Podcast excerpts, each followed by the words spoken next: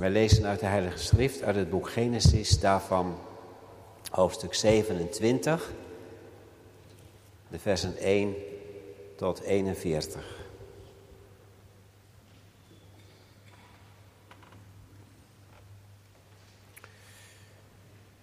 Genesis 27. Het gebeurde toen Isaac oud geworden was en zijn ogen dof geworden waren, zodat hij niet meer kon zien, dat hij zijn oudste zoon Esau riep en tegen hem zei, mijn zoon. Hij zei, zie, hier ben ik. Hij zei, zie toch, ik ben oud geworden en ik weet de dag van mijn dood niet. Nu dan, pak je jachtgerei, je pijlkoker en je boog, trek het veld in en jaag voor mij een stuk wild. Maak dan een smakelijk gerecht voor me klaar, zoals ik het graag heb, en breng het me om te eten. Dan zal mijn ziel je zegenen voordat ik sterf. Nu luisterde Rebecca mee toen Isaac tot zijn zoon Esau sprak. Esau ging het veld in om een stuk wild te jagen en dat mee te brengen. Toen zei Rebecca tegen Jacob, haar zoon, zie, ik heb je vader tegen Esau, je broer, horen zeggen, breng me een stuk wild en maak een smakelijk gerecht voor me klaar om op te eten. Dan zal ik je voor het aangezicht van de Heere zegenen voor mijn dood. Nu dan, mijn zoon, luister naar mijn stem, naar wat ik je gebied. Ga toch naar de kudde en haal daar voor mij twee goede geitenbokjes. Dan zal ik daarvan een smakelijk gerecht voor je vader klaarmaken, zoals hij het graag heeft. Dat moet je naar je vader brengen en hij zal het eten. En dan zal hij je zegenen voor zijn dood. Toen zei Jacob tegen Rebekka, zijn moeder, Zie, mijn broeder Esau is een behaarde man en ik heb een gladde huid. Misschien betast mijn vader mij, dan zal ik in zijn ogen als een bedrieger zijn en zal ik een vloek over mij brengen en geen zegen. Maar zijn moeder zei tegen hem, laat je vloek mij dan maar treffen, mijn zoon. Luister nu maar naar mij en ga ze voor me halen. Toen ging hij ze halen en hij bracht ze bij zijn moeder. En zijn moeder maakte een smakelijk gerecht klaar, zoals zijn vader het graag had. Daarop nam Rebecca de kostbare kleren van Esau, haar oudste zoon, die ze bij zich in huis had, en trok ze Jacob, haar jongste zoon, aan. Het vel van de geitenbokjes trok ze over zijn handen en over zijn gladde hals. Ze gaf haar zoon Jacob het smakelijke gerecht in handen met het brood dat ze klaargemaakt had. Hij kwam bij zijn vader en zei: mijn vader. En hij zei, zie hier ben ik. Wie ben je, mijn zoon? Jacob zei tegen zijn vader, ik ben Esau, uw eerstgeborene. Ik heb gedaan wat u mij gezegd hebt. Richt u toch op, ga zitten en eet van mijn wildbraad, zodat uw ziel mij kan zegenen. Isaac zei erop tegen zijn zoon, hoe is het mogelijk dat je dat zo snel gevonden hebt, mijn zoon? Hij zei, omdat de Heere, uw God, het mij heeft laten tegenkomen. Isaac zei tegen Jacob, kom toch wat dichterbij, zodat ik je kan betasten, mijn zoon, of je werkelijk mijn zoon Esau bent of niet. Toen kwam Jacob dichter bij zijn vader Isaac en die betastte hem. Hij zei, de stem is Jacobs stem, maar de handen zijn Esau's handen. Hij herkende hem dus niet omdat zijn handen, net als de handen van zijn broer Esau, behaard waren. En hij zegende hem. Hij zei, ben je echt mijn zoon Esau? Hij antwoordde, dat ben ik. Toen zei Isaac, zet het wat dichter bij me, dan kan ik van het wildbraad van mijn zoon eten, zodat mijn ziel je kan zegenen. Hij zette het dicht bij hem en hij at. Hij bracht hem ook wijn en hij dronk ervan. Zijn vader Isaac zei tegen hem, kom toch dichterbij en kus mij, mijn zoon. Hij kwam dichterbij en kuste hem. Toen rook hij de geur van zijn kleren en zegende hem. Hij zei, zie, de geur van mijn zoon is als de geur van het veld dat de Heere gezegend heeft. Mogen God je geven van de dauw van de hemel, van de vruchtbare streken van de aarde, overvloed van koren en nieuwe wijn. Volken zullen je dienen, naties zullen zich voor je buigen. Wees heerser over je broers, de zonen van je moeder zullen zich voor je buigen. Vervloekt moet zijn wie jou vervloekt en gezegend wie jou zegent. En het gebeurde toen Isaac gereed was met het zegenen van Jacob en Jacob nog maar net bij Isaac weggegaan was. Toen gebeurde het dat Esau, zijn broer, van zijn jacht terugkwam. Ook hij maakte een smakelijk gerecht klaar en bracht dat bij zijn vader.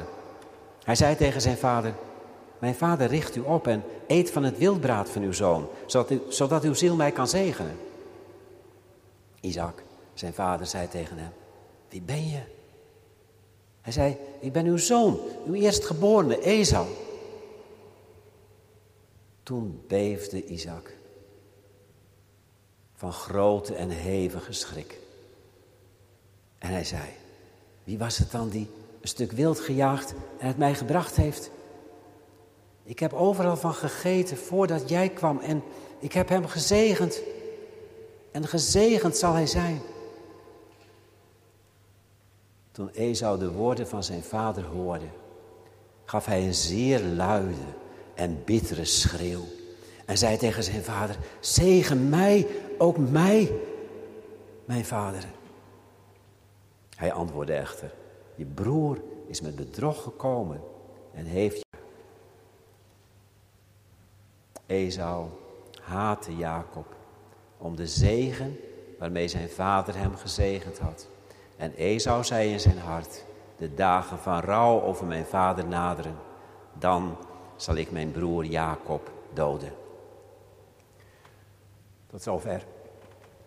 En deze geschiedenis. En ehm, ja, hierover gaat dus de verkondiging ook. Uh, het 35ste vers heb ik onderstreept. Het drama komt dan toch wel tot het hoogtepunt.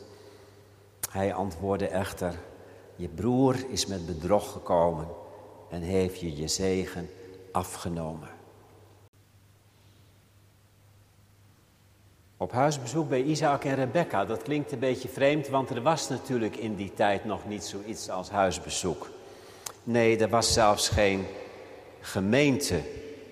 Laat staan een kerkraad, laat staan een bezoekdienst, commissie, hervormde vrouwendienst. Alles was er nog niet. Er waren maar een paar gelovigen. Isaac en Rebecca moesten echt met z'n tweetjes proberen te geloven. En hun tweeling Esau en Jacob proberen op te voeden in het geloof. Eerst waren opa en oma Abram en Sarah er nog, maar die waren inmiddels ook al lang gestorven. Ze stonden er verder helemaal alleen voor. Niet een paar mensen, maar echt alle mensen in hun omgeving geloofden anders en leefden anders. Realiseren we ons niet altijd zo? En het voorrecht dat we met zoveel mensen samen kunnen geloven. Soms denken we dat het in de Bijbel ook al zo was, maar dat was dus helemaal niet zo. Zeker niet in die begintijd. Alle mensen in hun omgeving geloofden anders en leefden anders. Kunt u zich dat voorstellen? Dat u hier in Gouda zou leven als een gezinnetje, man, vrouw en twee kinderen.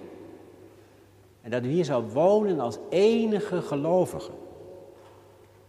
Geen kerkdienst zondags, geen christelijke school, geen gemeente, geen dominees en ouderlingen, ook niet nauwelijks een Bijbel. Zou u dat volhouden? We kunnen ons dat nauwelijks voorstellen. We kunnen wel tegen elkaar zeggen, tel je zegeningen. Uh, ook en na deze coronatijd nog een beetje erin. En geweldig als we elkaar ook vasthouden dan. En als ook straks het bezoek weer wat meer op gang kan komen. Want dat samen met elkaar spreken en naar elkaar luisteren, hoe belangrijk is dat niet? Laten we ons nu eens voorstellen dat er in de tijd van Isaac en Rebecca al van dat bezoekwerk was geweest. huisbezoek of een ander bezoek. De ene gelovige bezoekt de andere en wil graag in gesprek komen. Om juist ook te ontdekken waarin kunnen we elkaar van dienst zijn. Hoe kunnen we elkaar helpen om het geloof vast te houden. Als er nu zo'n bezoek geweest was bij Isaac en Rebecca, hoe zou dat dan verlopen zijn? Nou, denkt u misschien, dat zou wel een mooi bezoek geweest zijn. Bij dit soort mensen kun je natuurlijk prima op bezoek komen en praten over wie God is. Ze hebben al zoveel met God beleefd. God sprak nota bene, heel persoonlijk, tot Rebecca toen ze in verwachting was. En de belofte van God heeft ze gehad. En allerlei hulp en kracht heeft ze ook ervaren.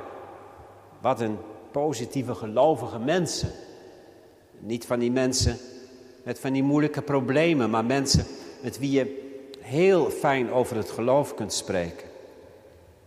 van zulke bezoeken kom je zelf vaak gesterkt vandaan. Huisbezoek bij Isaac en Rebecca. Ja, je kunt je inderdaad voorstellen dat het een heel fijn gesprek geworden was.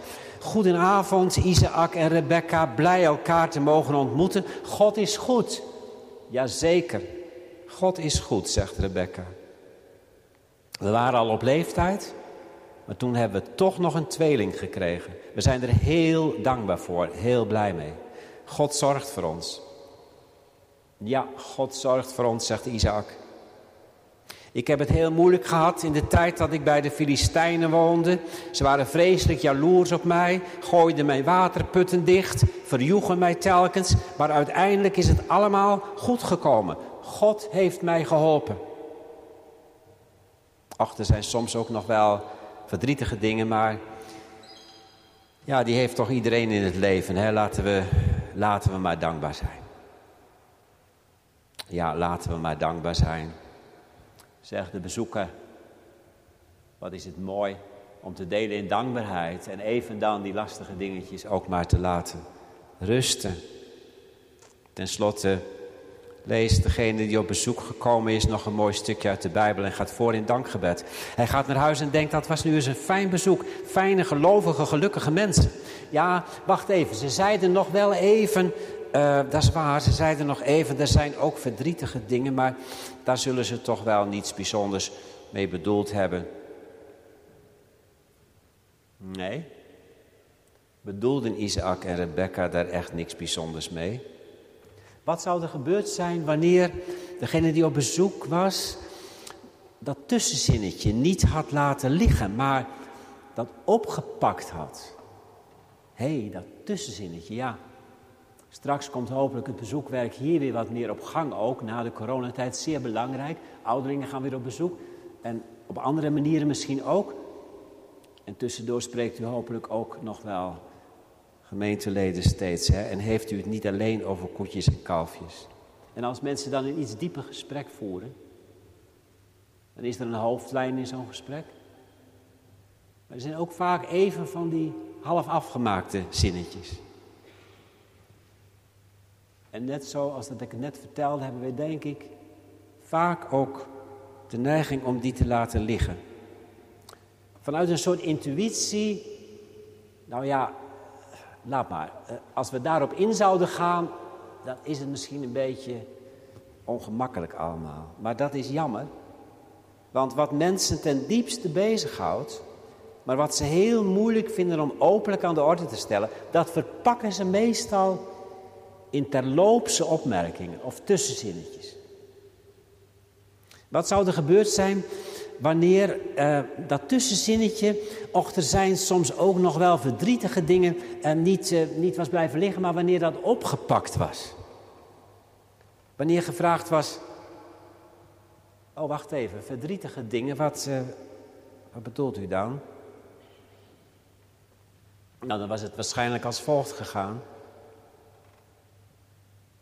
Uh, nou, verdrietige dingen. Niet zoveel bijzonders hoor. Maar uh, Esau, hè. Wat is het dan met Esau?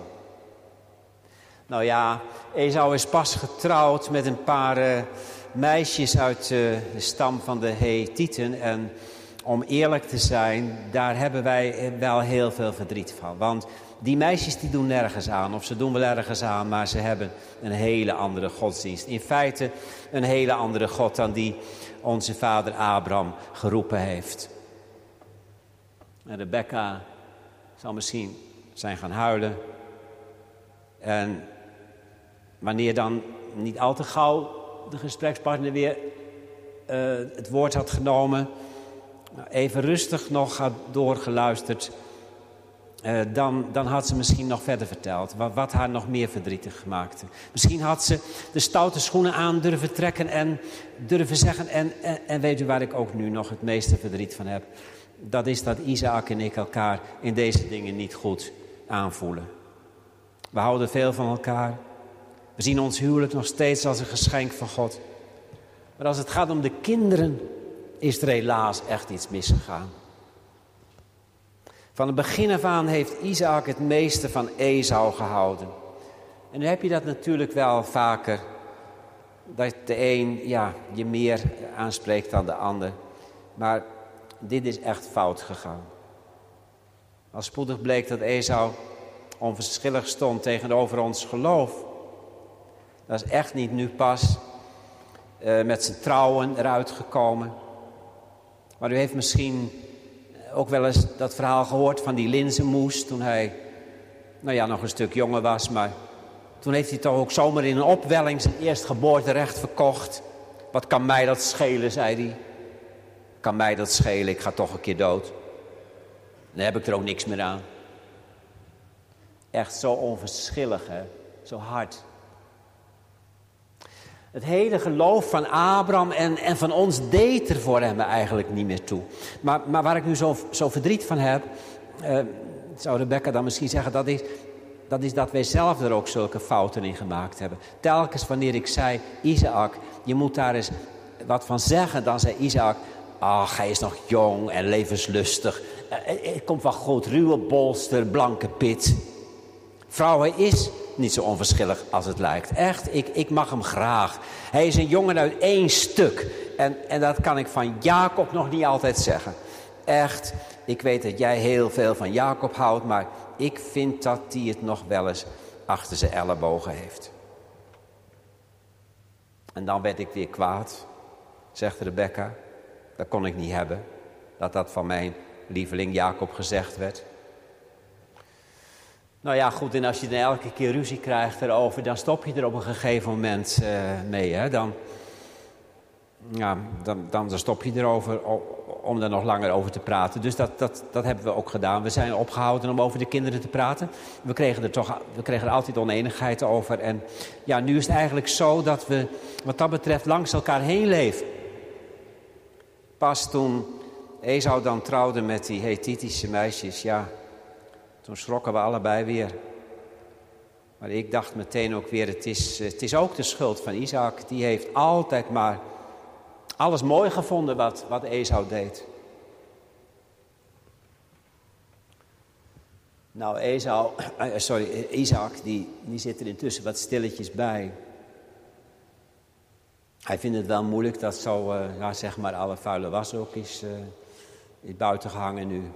Het hele gesprek heeft een onverwachte wending genomen. Hij had liever niet dat het op deze manier zo, zo allemaal uh, aan de grote klok was gehangen. Nou ja, aan de grote klok, maar deze man dan die nu op bezoek is. En je weet maar nooit, misschien vertelt hij het ook nog weer door en zo. En die man die op bezoek is, die is er ook van geschrokken. Hij wou nog een bezoek doen deze avond, maar dat kan hij nu wel vergeten. Als je doorvraagt op tussenzinnetjes, ja, als je doorvraagt op tussenzinnetjes, jongen, dan krijg je soms een totaal nieuw en ander gesprek nog weer. En dan ben je voorlopig nog niet klaar. En dan krijg je ook heel veel te horen wat je liever niet had willen horen. Hè? En ik zei al even, dat is misschien ook dat afweermechanisme dat we heel vaak in ons hebben. Om, om, om, dingen gewoon intuïtief dan maar ook uh, liever te laten liggen in een gesprek. Want wie weet, en ik vind het niet fijn om allemaal te horen. Laat, laat, laat maar liggen. Mm, ja. Uit het hoofdstuk gemeente dat wij vanmiddag gelezen hebben, kun je de conclusie trekken dat Isaac en Rebecca, als er wel een keer zo'n echt gesprek geweest was, waarbij echt alles eerlijk op tafel gekomen was, dat ze dan misschien niet zo in de problemen gekomen waren als nu, hè? want dit is toch wel heel erg, dit is toch wel een puinhoop. Alles wat fout zat, is steeds maar verder blijven sudderen. Isaac en Rebecca zijn langzamerhand ieder hun eigen gang gegaan. Over Esau en Jacob wordt niet meer gepraat. Esau blijft ondanks alles de lieveling van Isaac. Hij kan eigenlijk geen kwaad bij hem doen. En Jacob blijft de lieveling van Rebecca. Maar dat niet alleen, ook degene van wie ze weet hij zal de grootste zegen ontvangen. Zo heeft God het immers al voor de geboorte tegen haar gezegd. De oudste, de meerdere, zal de jongste, de mindere dienen. En zo blijft dat doorgaan. Totdat dus het grote drama komt, waarvan wij vanmiddag gelezen hebben. En het viel me, vooral nu ik het hardop voorlas, nog weer meer op dan toen ik het thuis zo las. Wat is dit goed verteld, hè? Wat is dit eigenlijk een stukje wereldliteratuur? Wat is dit goed verteld? Je voelt het, je proeft het, je, je, je, je voelt het drama in alles. Stokoud en blind geworden staat Isaac nog op zijn standpunt. Esau mag dan onverschillig lijken, toch zal hij de grootste zegen ontvangen. Toch zal hij de drager zijn van de belofte van de toekomst. Maar Rebecca weet beter en ze houdt daar ook aan vast. Jacob zal de grootste zegen ontvangen. Alleen omdat dat nooit in vroeger jaren werkelijk tot op de bodem is doorgesproken, gebeuren er nu de grootste ongelukken. Geen andere weg, geen andere weg ziet ze dan toevlucht te nemen tot leugen en bedrog. Jacob, slacht een paar geitenbokjes en zorg dat je Esau voor bent. Je vader is toch blind. Zorg alleen dat je de geur van Esau bij hebt, doordat je zijn pak aantrekt. En zorg ook voor harige armen, dan kan er weinig misgaan. Intussen wordt Isaac bedrogen, Jacob tot zonde verluid en Esau tot de wanhoop en de verschrikkelijkste moordplannen gebracht. Wat een ellende. Een hoofdstuk vol ellende. Toonbeeld van ontwrichting in een huisgezin waar wij aan de buitenkant zo hoog tegen opzagen. En tenslotte lijkt Jacob alle schuld te krijgen. Isaac zegt tegen Esau: Uw broeder is gekomen met bedrog en heeft de zegen weggenomen. En dat is natuurlijk ook zo. Jacob is gekomen met bedrog. Maar het is maar één kant van de zaak. Isaac, zie je nu nog niet in welke grote fouten je zelf vervallen bent. In de loop van de tijd steeds wanneer Rebecca erover begon dat God al voor de geboorte tegen haar gezegd had, de oudste Esau zal de jongste Jacob dienen, dan praatte je daaroverheen. Je wilde er niks van horen. En daarmee ging je niet alleen tegen Rebecca in, maar daarmee ging je ook tegen God zelf in. Terwijl jij zelf, Isaac, en dat is het schrijnende, terwijl jij zelf, Isaac, toch ook niet de oudste was. Ismaël was jouw oudste broer. Maar God koos voor jou, de jongste.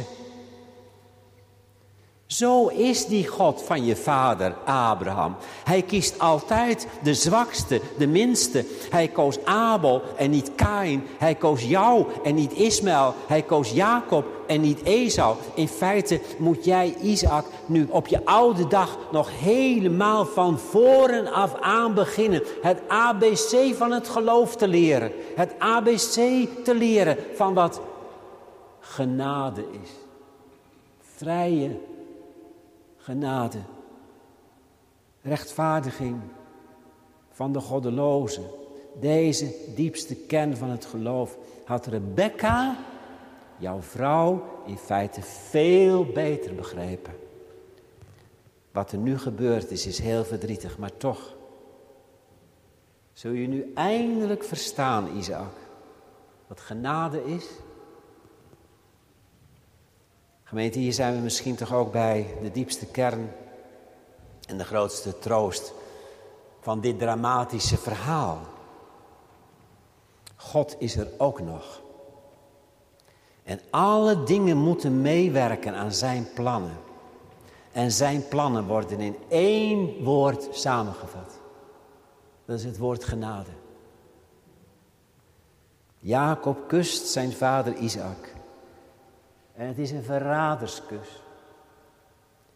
Judas kust Jezus. En het is een nog veel ergere verraderskus. Maar God volvoert zijn plannen. Opdat niemand roemen. Opdat alle mensen er beschaamd onderuit zouden komen.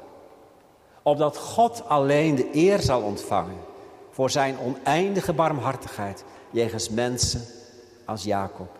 Het verachten, het kleine en ook het schuldige heeft hij uitverkoren. Opdat hij het grote en vrome zou beschamen. We keren terug naar het uh, gefingeerde huisbezoek waarmee we begonnen. Wat is het belangrijk om te luisteren? Hè?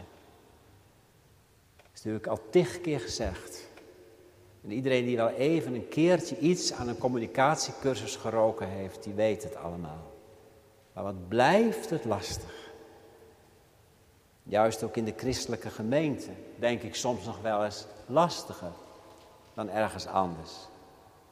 Omdat wij ja, binnen de christelijke gemeente toch ook een christelijke façade vaak hoog willen houden.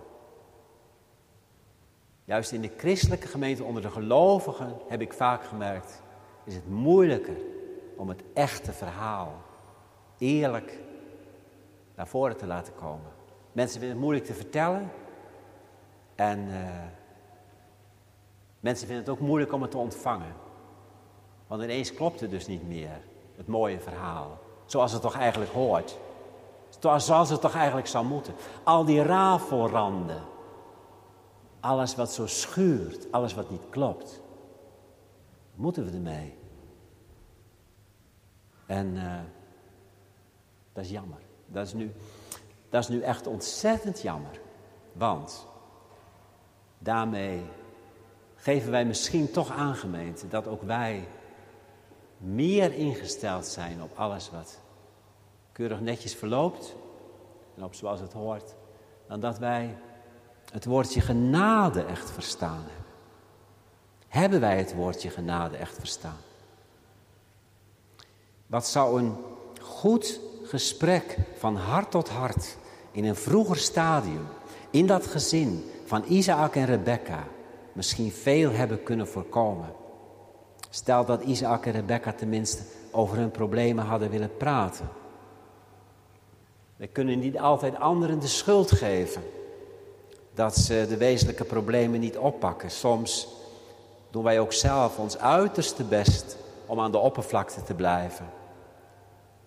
En dan is het heel oneerlijk om achteraf te zeggen: Nou ja, daar had ik ook niet veel aan aan dat bezoek, want het ging eigenlijk nergens over. Durfde jij zelf met de dingen voor de dag te komen?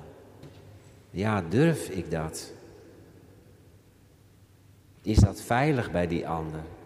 Jazeker, dat is een punt. Is het veilig bij die ander? Maar ook, waarom durven we het vaak niet? Toch die, die, die onbestemde angst voor veroordeling. Ja, want binnen de christelijke gemeente zijn we ook zo sterk soms juist in dat normen en waarden en zo hoort het. En, dan, en dat betekent dus, dan komt er een veroordeling als je niet aan dat patroon hebt eh, beantwoord. En daarom, daarom angst. Angst voor veroordeling. Uh, bang voor dat die ander zo zal schrikken en dat, ja, dat je dan misschien er helemaal buiten staat. Hou het dan nog maar even zo, zoals het lijkt. Jammer. Nogmaals de vraag: Hebben wij dan verstaan wat genade is? Kijk, ik las een boek van uh, Griet Op de Beek. Uh, dat is een Vlaamse schrijfster, misschien sommigen van u uh, bekend ook. nou ja, sommigen houden van literatuur. Anderen zeggen dat is maar al gauw een beetje te, te rauw en, en, en dat hoeft van mij niet. Maar Griet Op de Beek, die kan wel heel goed schrijven, ja. Die schrijft, oh, bijvoorbeeld in dat boek wat ik las, Kom hier dat ik u kus, over allemaal mensen die proberen met elkaar in gesprek te komen over schuld en over ziekte en over dood.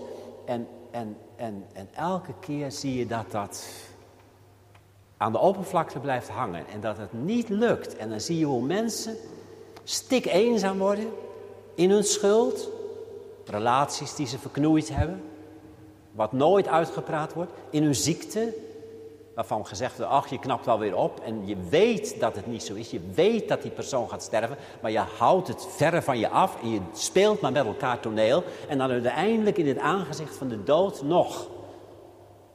En dan lees je zo'n boek en denk je, wat een armoe. En waarom doen die mensen dat? Waarom doen die mensen dat? Zo alles afhouden. Ja, in dat boek denk je, dat doen ze omdat ze ook verder geen uitzicht hebben. Want in die boeken van Griet op de Beek speelt geloof geen rol meer. Of alleen in de achteruitkijkspiegel. Nog een herinnering van iemand aan een Vlaamse pastoor van vroeger, maar er was ook niks. Jammer is dat. Dus geloof speelt daar geen rol meer. En dan zeg je, als geloof geen rol meer speelt, dan inderdaad kan ik begrijpen dat je maar liever als een struisvogel je kop in het zand steekt. Of dat je de problemen maar onder de vloerkleed veegt. En, want we weten er toch geen oplossing voor. Maar als je nu wel gelooft, zou je dan niet heel anders ook al deze problemen eerlijk en open te lijf kunnen gaan? Zou daar niet een geweldige taak, ook een geweldige zendingsopdracht liggen, juist van de christelijke gemeente vandaag in onze wereld, waar zo heel veel mensen het geloof inderdaad niets meer zegt. Maar hoe ga je dan met, met de grote levensvragen om? Hoe gaat u daarmee om? Hoe ga ik daarmee om? Doen wij dat anders? Durven we de raafveranden van het bestaan wel te benoemen? Durven we alles wat schuurt wel eerlijk, ook onder tranen, te beleiden en te zeggen? Omdat wij weten wat, wat genade is. Omdat wij weten wat genade is. Ja, die genade, die kan ons toch een perspectief geven wat in alle andere levensbeschouwingen ontbreekt. Wij kunnen de levensverhalen van mensen aanhoren. En komen dan vaak tot de conclusie dat heel veel dingen niet meer over te doen zijn. Nee, met een stukje heropvoeding kom je er niet. Want de, de dingen zijn gegaan zoals ze gegaan zijn. En bovendien, sommige mensen zijn heel moeilijk opnieuw op te voeden. Daar is te veel misgegaan. Maar dat het nu nooit hopeloos is. Dat is toch onze boodschap. Zelfs voor Esau is het niet hopeloos. Hebt u dan maar één zegen, mijn vader. Esau, Esau, als jij nu die omdraai meemaakt, dat Jacob de eerste is en jij laat je in die schaduw van Jacob, dat je dan jouw leven ook opbloeien. Daar zal het goed toeven zijn. Want de God van Israël, van Jacob, is de God van alle volkeren, ook van jou, maar wel in die volgorde. En niet op je eigen strepen staan, niet je eigen gelijk willen houden, niet dat de eerste willen zijn, dat loslaten. Dan is het ook voor jou niet hopeloos. Nee, God praat onze foute daden niet goed. Maar het grote wonder is dat hij er uiteindelijk toch nog iets goeds van weet te maken. Dat we de Heer Jezus kruiselden, dat was de allergrootste foute daad die we ooit begingen. Maar nooit blonk Gods genade meer dan juist op Golgotha. Griet Op de Beek schreef volgens een recensent een prutsboek. Tussen aanhalingstekens. Want hij vond het wel goed geschreven, heel goed geschreven zelfs. Maar hij noemde het even zo tussen aanhalingstekens een prutsboek. En daar bedoelde hij mee. Het is een boek waarin mensen als prutsers zo sterk getekend worden, zo invoelbaar, dat je er echt op elke bladzijde mee te doen krijgt. Prutsers zijn we. En we zien in de spiegel en we zien ook ons eigen leven vaak in al het gepruts. Ja, herkenbaar. En nu dacht ik gemeente, eigenlijk is de Bijbel toch, ik zei net al van de Bijbel is wereldliteratuur. Hè? Zulke stukjes als van vanmiddag, dat is grote literaire stukjes. En nu is die Bijbel dus juist ook, denk ik, zo'n prutsboek. Wereldliteratuur, waarin mensen getekend worden, zo herkenbaar als prutsers, maar zo juist en daarin juist een boek van genade, rijk en vrij. Wat heeft ook en juist onze samenleving dat boek nodig? Amen.